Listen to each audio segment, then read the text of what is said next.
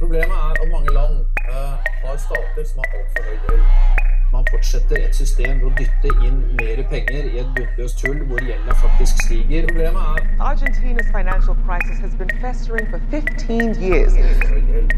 Alt- alt- Altfor. Stadig tøffere og tøffere og tøffere over i disse landene.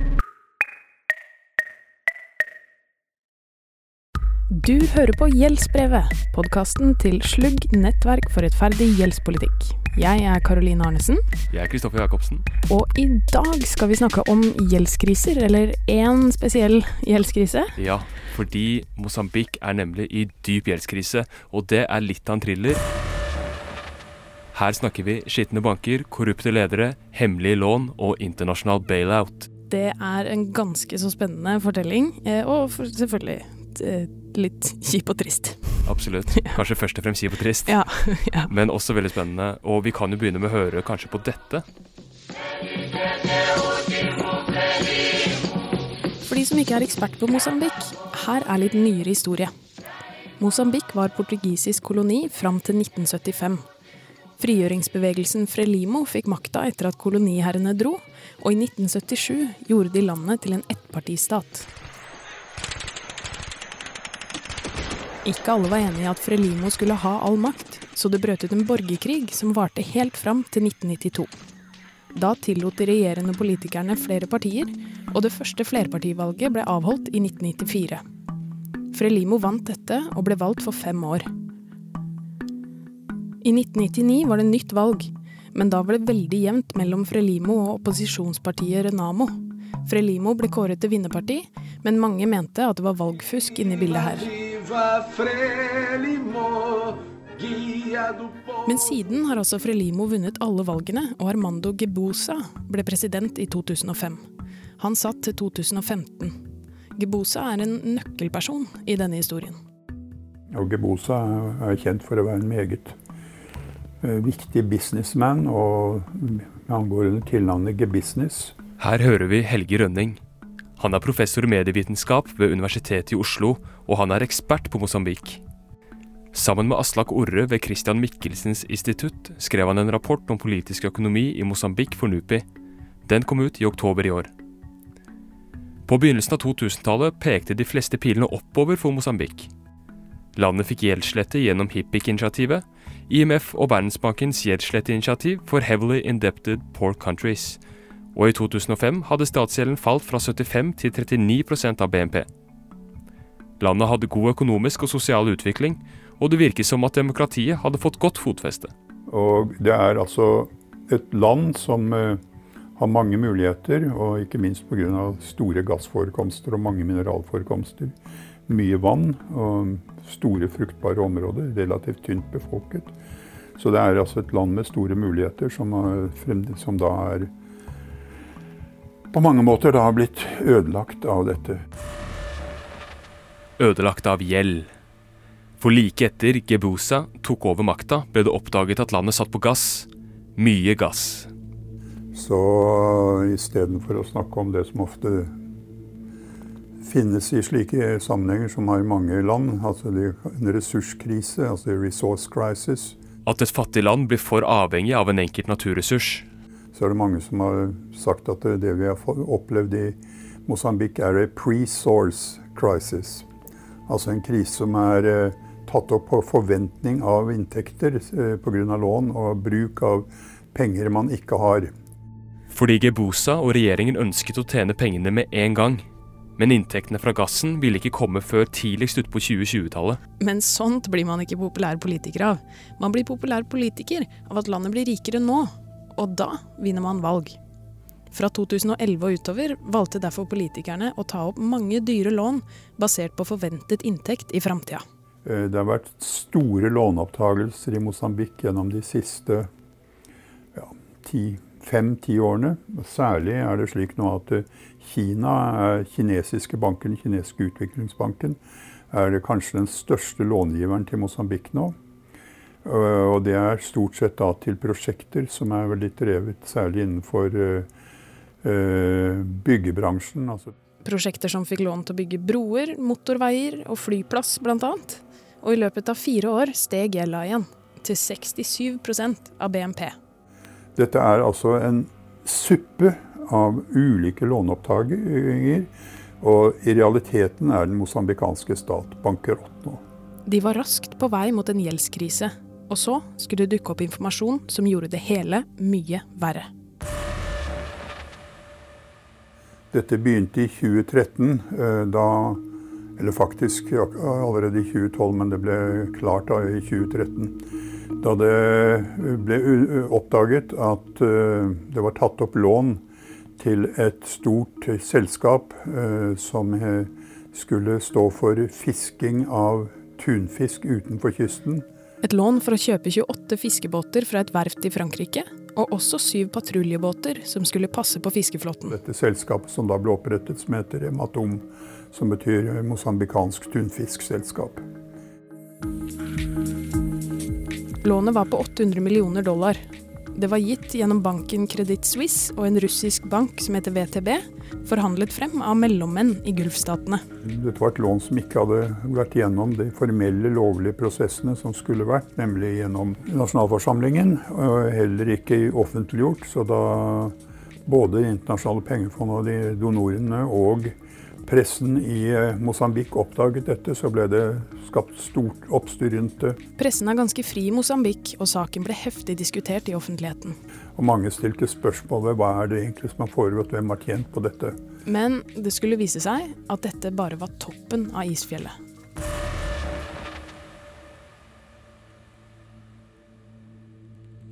Så ble det eh, et år senere, i 2014, 2014-2015 ble det oppdaget at det var tatt opp lån på to selskaper til. Et som heter Pro Indicus, og et som heter MAM. Lånene skulle brukes til forsvarsmateriell. Og disse var også hemmelige lån som var tatt opp av uh, selskaper som da var sto uh, Som var private, men statlige. Som sto sikkerhetstjenesten og de militære nær. Lånene til de tre selskapene var på til sammen over 2 milliarder dollar, altså rundt 15 milliarder kroner, og ingen av dem var godkjent av nasjonalforsamlingen. 15 milliarder kroner tilsvarte i 2016 fire fulle helsebudsjett på Mosambik. Lånene ble tatt opp med såkalte statsgarantier, som betyr at staten betaler ned gjelda dersom selskapene ikke klarer det. Og Dette skapte jo da et stort, stor oppstyr, for dette er jo da veldig, veldig stor del av det som er det reelle statsbudsjettet i eh, landet. Og det har ikke da gått gjennom de formelle kanaler det var. IMF, Verdensbanken eller andre store donorer var heller ikke informert. Og da det ble oppdaget, ble det tydelig at man måtte komme til bunns i hva det var som hadde skjedd. Og det ble da krevd at dette skulle gå gjennom en en undersøkelse. Det anerkjente revisjonsselskapet Kroll ble hyret inn til å gjøre en revisjon og se på hvordan disse lånene var tatt opp og hvordan det hadde gått med pengene. Dette koster 40 millioner dollar å gjennomføre, og det ble betalt av den svenske stat over bistandsbudsjettet. Rapporten var ferdig nå i år, og ble overrakt til de mosabikanske påtalemyndighetene. Det er bare et sammendrag av rapporten som har blitt offentliggjort. Der ble det slått fast at lånene var tatt opp på ulovlig vis og at 500 eh, millioner dollar av disse pengene var det ikke redegjort for. Det var ikke gjort noe som helst for å redegjøre for hvordan pengene var brukt. Det var ikke slik at disse firmaene hadde eh, skikkelige finansplaner. De hadde ikke eh, virksomhetsplaner. De som var ansatt der, hadde ikke tilstrekkelig kompetanse til å drive slike firmaer. Og i det hele tatt var det et salig rot som kom fram i denne rapporten. Det har ikke blitt offentliggjort hvem de ansvarlige er, men det er ganske trygt å tenke at Gebosa var innblandet, siden det foregikk da han var president. Den tidligere finansministeren, Manuel Chang, ses også på som en viktig person i denne saken, ifølge Helge Rønning. Det samme gjør han som da lånene ble tatt opp, satt som forsvarsminister, Filipe Nyosi. Nyosi tok over som president i 2015 og sitter fortsatt. Ingen er blitt holdt ansvarlig for dette. Eh, han som er sjef for alle tre selskapene, som heter Rosario, han benekter at det har foregått noe galt. Rosario hadde visstnok kastet Kroll på dør da de kom for å undersøke. Det var rett og slett veldig vanskelig for Kroll å få tilgang til informasjonen de trengte for å gjennomføre revisjonen. Og det er vanskelig å finne ut hva pengene har blitt brukt til. Så mye som 500 millioner dollar er sporløst forsvunnet. Og firmaene som lånte penger, har ikke kommet noen vei med det pengene skulle gå til. Det har ikke blitt fiska noe tunfisk, for å si det sånn. De båtene ligger på havna i Mosambik og ruster opp. Eh, Patruljebåtene har ennå ikke vært på sjøen. Det høres jo litt kjent ut med sånn skipsgjeld, da. At båter blir kjøpt og solgt av private selskaper for å skape arbeidsplasser og vekst, med penger som er lånt med statsgarantier. Vi kan jo kanskje anbefale å høre en tidligere episode av Gjeldsbrevet om akkurat dette. Ja. Men altså, Den har ikke ført til at det er foretatt noe som helst. Det eneste som er blitt foretatt, er at staten har nå påtatt seg ansvaret for disse lånene. Dvs. Si at det gjør at det nå er den mosambikanske stat ansvarlig for disse lånene som opprinnelig er ulovlige. Ok, så på låntakersiden har vi et politisk parti som har sittet i 45 år, og en politisk ledelse og president som liker å drive business. Landet har utsikter til store inntekter fra gass, mineraler og fiske, og politikerne har lånefest i påvente av disse. og på toppen av det hele blir to milliarder dollar tatt opp i ulovlige lån av selskaper med sterk tilknytning til staten, uten nasjonalforsamlingens godkjenning. 500 millioner dollar av disse pengene er sporløst forsvunnet, og resten har ikke ført med seg noen resultater. Landets nasjonalforsamling har overtatt lånene fra selskapene, og staten blir nå sittende med en enorm gjeldsbyrde fra lån som ikke har kommet befolkningen til gode. Alle donorene har stanset sine programmer og budsjettstøtte til Mosambik, inkludert pengefondet. Ja, så vi må virkelig kunne slå fast at den politiske eliten i Mosambik har tatt opp lån på en uansvarlig måte. Og det er som vanlig de fattige i Mosambik som betaler den høyeste prisen, i form av inflasjon, altså pengene de har er mindre verdt, det er fallende reallønninger, folk kan ikke betale for mat og tjenester, og i form av at det kuttes i offentlig velferd. Staten klarer ikke å levere f.eks. sykehustjenester. Landet har misligholdt gjelda si, altså de har ikke betalt avdragene sine i tide. Og derfor så er det i praksis konkurs. Ja, Det er krise altså i Mosambik. Full gjeldskrise. Men så må vi se litt nærmere på hva vi har på utlånesiden av dette her. Fordi det er heller ikke handlet på en helt stuerein måte. Nei, Credit Suisse, denne sveitsiske banken som støtt og stadig kommer opp når det er snakk om skattetriksing og gjemming av penger i skatteparadis, sammen med den russiske banken VTB har de altså gitt disse hemmelige lånene på over to milliarder dollar framforhandlet av mellommenn i Midtøsten. Dette er jo da banker som, eh, som kanskje ikke Som kanskje har tjent godt på det. Som Helge Rønning og Aslak Orre skriver, Kroll-revisjonen viste at både Credit Suisse og VTB ikke hadde gjort det i god tro. De fikk såkalte statsgarantier, men en due diligence-prosedyre, som er en nødvendig og helt rimelig bakgrunnssjekk som alle långivere har plikt til, ville ha vist at garantiene ikke var gyldig. I stedet ga de lånene uten at Nasjonalbanken signerte, og uten at nasjonalforsamlingen visste noe som helst. Dette kan gi Mosabik et argument for å hevde at det dreier seg om såkalt odious debt. Odious betyr motbydelig, forhatt eller avskyelig, og er et begrep som brukes som skikkelig drittgjeld og lån som aldri skulle vært gitt. Om dette er odious debt, må i så fall kreditorene sitte med ansvaret fordi de ikke lånte ut i god tro. Men dersom dette er odious debt, da, så betyr det at lånene ble gitt til noen som hadde onde hensikter. Da dette må ha vært noen som er svært nær den nåværende og forrige presidenten, så slår argumentet tilbake på den politiske ledelsen i regjeringspartiet Frelimo.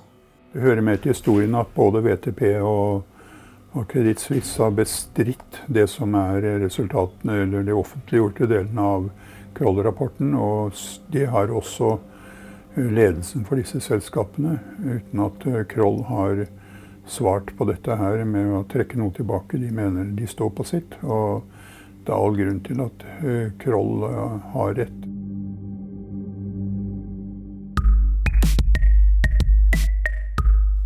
Det er altså så mange skurker i denne fortellingen her. Ja, det er en ordentlig røverhistorie.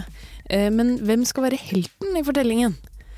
Da omfanget av disse hemmelige lånene ble kjent, trakk alle de store donorene budsjettstøtten, inkludert IMF, som sa at med mindre noen holdes ansvarlige, og man finner ut hvor pengene har tatt veien, så vil de ikke bidra med penger til statsbudsjettet til Mosambik. Frelimo hadde partikonferanse i september, og det var et håp om at dette skulle tas opp der. Men det ble det ikke. I hvert fall ikke i de åpne delene av konferansen, og ingen har blitt pekt ut som syndebukk. Så hva skal skje da? Skal de store overnasjonale långiverne som IMF og Verdensbanken komme inn på banen igjen og hjelpe Mosambik ut av krisa? Vil ikke det i så fall bety å bare gi nye lån som vil gå til nedbetaling til Kreditt Suisse og WTB, og at Mosambiks gjeld bare skifter kreditorhender? Vi trenger hjelp med disse spørsmålene, så derfor snakket vi med journalist, samfunnsøkonom og forfatter Maria Berg Reinertsen. Egentlig så skulle jo Verdensbanken og pengefondet gjøre slutt på disse gjeldskrisene. For nå skulle det være mulig å for en fattige land eller krigsskadde land som ikke klarte å få lån til alt det fornuftige de trengte lån til for å bygge opp økonomien sin. De, kunne, de skulle, som ikke klarte å få det fra markedene fordi markedene var dumme og feige og eh, heller ville vedde på kortsiktig gevinst enn bygge demning i Kina. Hun har i høst gitt ut boka 'Reisen til Bretton Woods', hvor hun skriver om opprettelsen av IMF, eller pengefondet som vi også kaller det, og Verdensbanken, som vi noen ganger kaller banken. Og vi kommer også til å kalle dem institusjonene innimellom. Jeg klarer jo ikke å si institusjoner. Jeg sier institusjoner.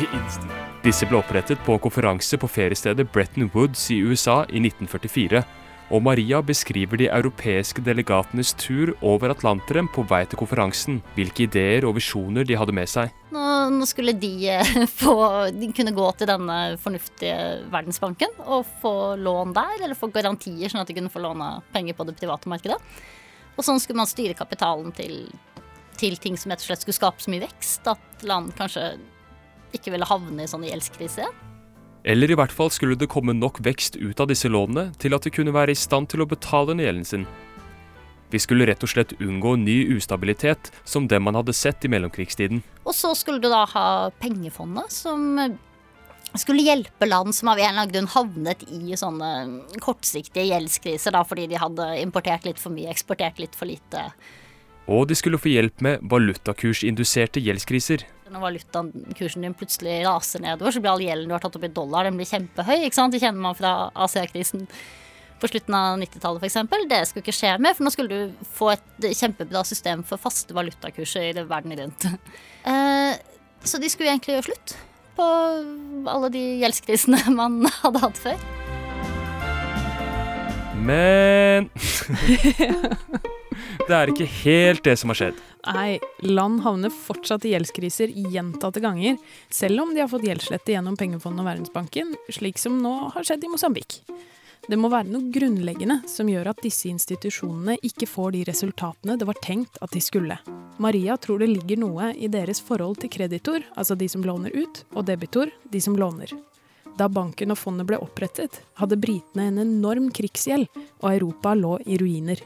Amerikanerne var de som hadde lånt ut til Europa. Og USA var verdens største kreditor på det tidspunktet, og de var ganske opptatt av at en sånn institusjon som ble laget, den måtte passe på pengene til dem som lånte penger, da, først og fremst USA. Eh, Storbritannia på sin side kom ut av andre verdenskrig med en skyhøy krigsgjeld. De var, økonomien deres var helt på felgen. De var veldig redde for å få ansvar for å bygge opp Europa, som var enda mer på felgen. Og for dem så var Verdensbanken og pengefondet en mulighet til å få sendt massevis av amerikanske dollar til krigsskadde Europa, på en måte hvor britene kunne ha en hånd på rattet med hvordan pengene ble brukt. Det var USA som hadde mest penger. Det var de som bestemte mest. Og, og, og det er nok en grunn til at, at dette også ble institusjoner som passer ganske godt på pengene til kreditorene. Ja. Eh, kanskje eh, vi kan si 73 år etter for godt. Slik at det er mye vanskeligere å få gjeldslette når det går galt, enn det fedrene til disse institusjonene hadde tenkt seg. Jeg tror Noe av det som har slått meg når jeg har skrevet denne boka, her, er jo det at det var veldig mange ideer bak. uh, og det er kanskje nettopp derfor disse institusjonene er blitt født med så mange motsigelser som de er, da. Uh, fordi at det var ikke én en enhetlig idé bak. Uh, John Maynard Keynes det er noen som har sagt at han så for seg at liksom, pengefondet og Verdensbanken skulle være noe slags sånn spa da, som land i økonomiske problemer kunne rulles inn i, og så bli stelt, og så komme ut igjen full, full guffe. Uh, Keynes var lederen for den britiske delegasjonen. Han mente at stater burde bruke penger i krisetider for å få fart på økonomien. Verden har ikke godt av at landet er i krise. Da blir det krig igjen, slik som det skjedde i Tyskland i mellomkrigstiden. Vi burde få på beina institusjoner som forhindrer at det skjer. De amerikanerne som har samarbeidet med, så nok ikke på det så mye som et spa, men mer som en Det er en som har beskrevet det som at de så det som en sånn legevakt, ikke sant. Der du kommer når det er krise, emergency, og så blir du lappa litt sammen, og så hiver du ut igjen. Eh, og det Det kan du jo si at de Kanskje funker de De fungerer nok mer i dag som en sånn eh, eh, legevakt. lang, ja, ja. lang, lang ventetid og så kanskje et plaster, ikke sant. Eh, og så må du komme tilbake igjen om 14 dager. Historien har vist oss at denne legevakttjenesten ikke fungerte så bra. Det at IMF står sterkt på kreditorenes side, bidrar til at uansvarlige långivere, sånn som Kreditt Suisse og VTB var i Mosabik, får pengene sine tilbake, mens det gjeldstyngede landet forblir gjeldstynget. det ser ut som at IMF, i hvert fall sånn som IMF eh, fungerer i dag Nå kan vi håpe at det, det skjer noe annet i Mosambik før du rekker å sende den podkasten her, da. Men eh, erfaringen fra Kristin Hellas i hvert fall er jo det at IMF stiller seg på disse uansvarlige kreditorene sin, eh, sin side og, og hjelper dem å eh, å, å få betalt og overta lånene, ikke sant. Og, Eller om ikke å overta lånene, så gir de lån til det landet der låneopptaket har skjedd, sånn at de er i stand til å betale kreditorene tilbake. Under krisen i Hellas gikk dette lenger enn noen gang. I charteret eller regelverket til IMF sto det at det ikke skal lånes ut mer penger til et land hvor gjeldsbyrden ikke er bærekraftig. Men Men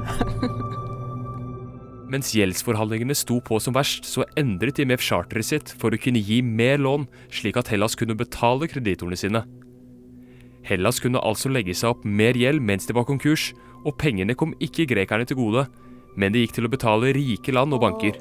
Og så har de endret den regelen litt tilbake igjen og sånt. Alle var enige at det ikke var så, var så bra. Man har jo satt litt sånn presedens der, ikke sant, med at man eh, berger eh, kreditorene.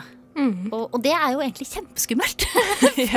Fordi at da da, hvordan skal du da få disse fornuftige private markedene til å tenke seg om neste gang? ikke sant? Ja.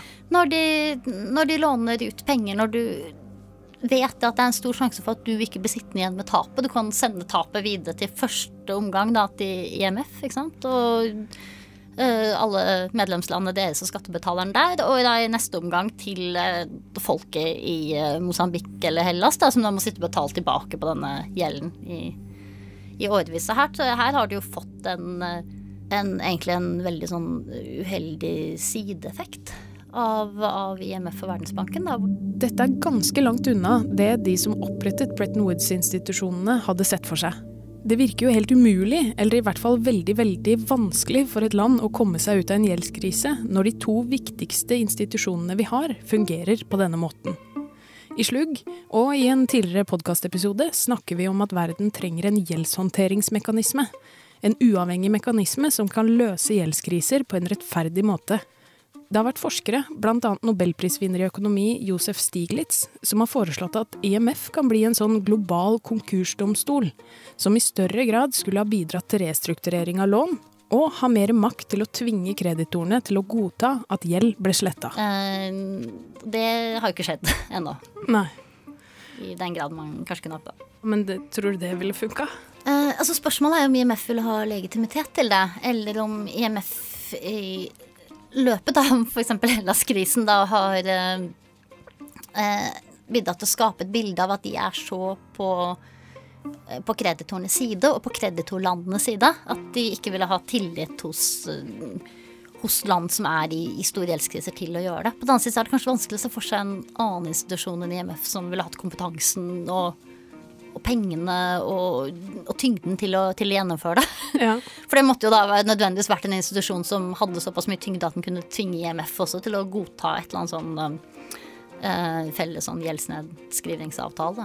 Så Men uansvarlige långivere er det mer håp om at vi skal få bukt med, tror Maria. For da er det jo et spørsmål om eh, eh, Der er det jo egentlig ingen land som har interesse Uh, av at bankene deres låner ut penger til, til prosjekter som, som ikke lønner seg. eh, når det først har skjedd, så har de en sånn kortsiktig interesse av at å få IMF og pengefondet til å, og, og det landet der disse lånene har skjedd, til, til å overta gjelden, ikke sant. Og redde dem ut, sånn som Tyskland og Frankrike hadde i Hellas da bankene deres hadde vært dumme og lånt ut mye penger. Men sånn i det lange løp så har de ikke noe interesse av at det fester seg sånn oppfatning i blant private finansinstitusjoner av at dette er greit, ikke sant. For det, det, er jo ikke, det, det gjør jo ikke bankene det som er særlig sunne på sikt, ikke sant. Og Tyskland har jo fortsatt ja, altså I hele eurosonen har du mange banker som har mye um, Eh, mye råtten gjeld. Mye Og finansbransjen er jo heller ikke så himla populær i mange land heller. Og det kan virke som at flere vanlige folk har blitt lei av at bankene og finansbransjen hele tiden skal reddes av skattebetalernes penger. Det er ikke så lett å få skattebetalerne sin til å støtte, støtte det her. Så her tenker jeg at uh, man kanskje kan håpe på at opplyste egeninteresse da, i, i politikerklassen kan, kan, kan, endre noe. Det, det, er klart at det er sånn sted hvor Norge også kan ta, ta initiativer. Da, til hva, hva, skal egentlig Hvilken rolle skal pengefondet særlig spille, spille her? Vi foreslår at Norge går foran ved å snakke høyt og tydelig om ansvarlig långiving og ansvarlig låntaking. Og det er det vi i Slug er all about. det er sant. Men det er vanskelig det her med gjeldskriser, altså. Men nå skjønner vi i hvert fall litt mer av hva det er da, Karoline. Ja, og hvordan de kan oppstå, og hvorfor dagens mekanisme feiler. Det er i hvert fall helt tydelig at det internasjonale samfunnet må jobbe for en mer rettferdig måte å løse gjeldskrise på. Absolutt, for Mosambik har de en situasjon hvor det har vært uansvarlige politikere som har tatt opp lån, uansvarlige banker som har gitt lån, og de som sitter igjen med regningen, er de fattige i Mosambik. Og nå i november så gikk den sittende finansministeren ut og sa at de vil gjøre det som trengs for å få IMF-støtten opp og gå igjen. Da følger vi med og ser hvordan det går da, fremover iallfall. Ja, det skal vi gjøre. Men la oss bare si det sånn at de hemmelige to milliarder dollarene som Kreditt Suisse og VTB lånte ut, det burde slettes med en gang. Ja, for de er faktisk så ulovlige at det blir rett og slett for dumt. Ja, ikke sant. Man trenger ikke noen gjeldsdomstol for å avgjøre det. Og Norge eier jo forresten 5 av kredittsvis gjennom oljefondet. Vi kan jo kanskje selge oss ut for å sende et tydelig signal om at vi ikke ønsker å bidra til at en bank skal være så juksete og skurkete. Men all den andre gjelden Frelimo-politikerne har lagt på Mosambik, må jo også kunne løses på en god måte. Og Mosambik er ikke aleine om å være i gjeldskrise. Av 67 lavinntektsland er det bare 11 land som IMF mener har lav risiko for å havne i gjeldskrise. Og hele 28 land er i krise, eller i stor fare for å havne i krise. Varsellampene blinker, folkens. Dere kan følge med på utviklingen i Mosambik-krisen og lese om Slugg sine krav for en rettferdig gjeldspolitikk på slugg.no. Og der kan du også lese en dritbra artikkel som Aslak Orre har skrevet på bakgrunn av rapporten han skrev sammen med Helge Rønning. Les rapporten også, den finner du link til i den nettsaken. Og ikke glem å kjøpe boka til Maria Reinersen, 'Reisen til Bretton Woods begynnelsen på verden av i går', i din nærmeste bokhandel. Ja, det er årets heiteste julegavetips også. Sjekk ut Facebook-siden vår, og ikke minst abonner på podkasten i din utvalgte podkast-app. Dette er Gjeldsbrevet, og jeg heter Kristoffer Jacobsen. Jeg heter Karoline Arnesen. Vi høres!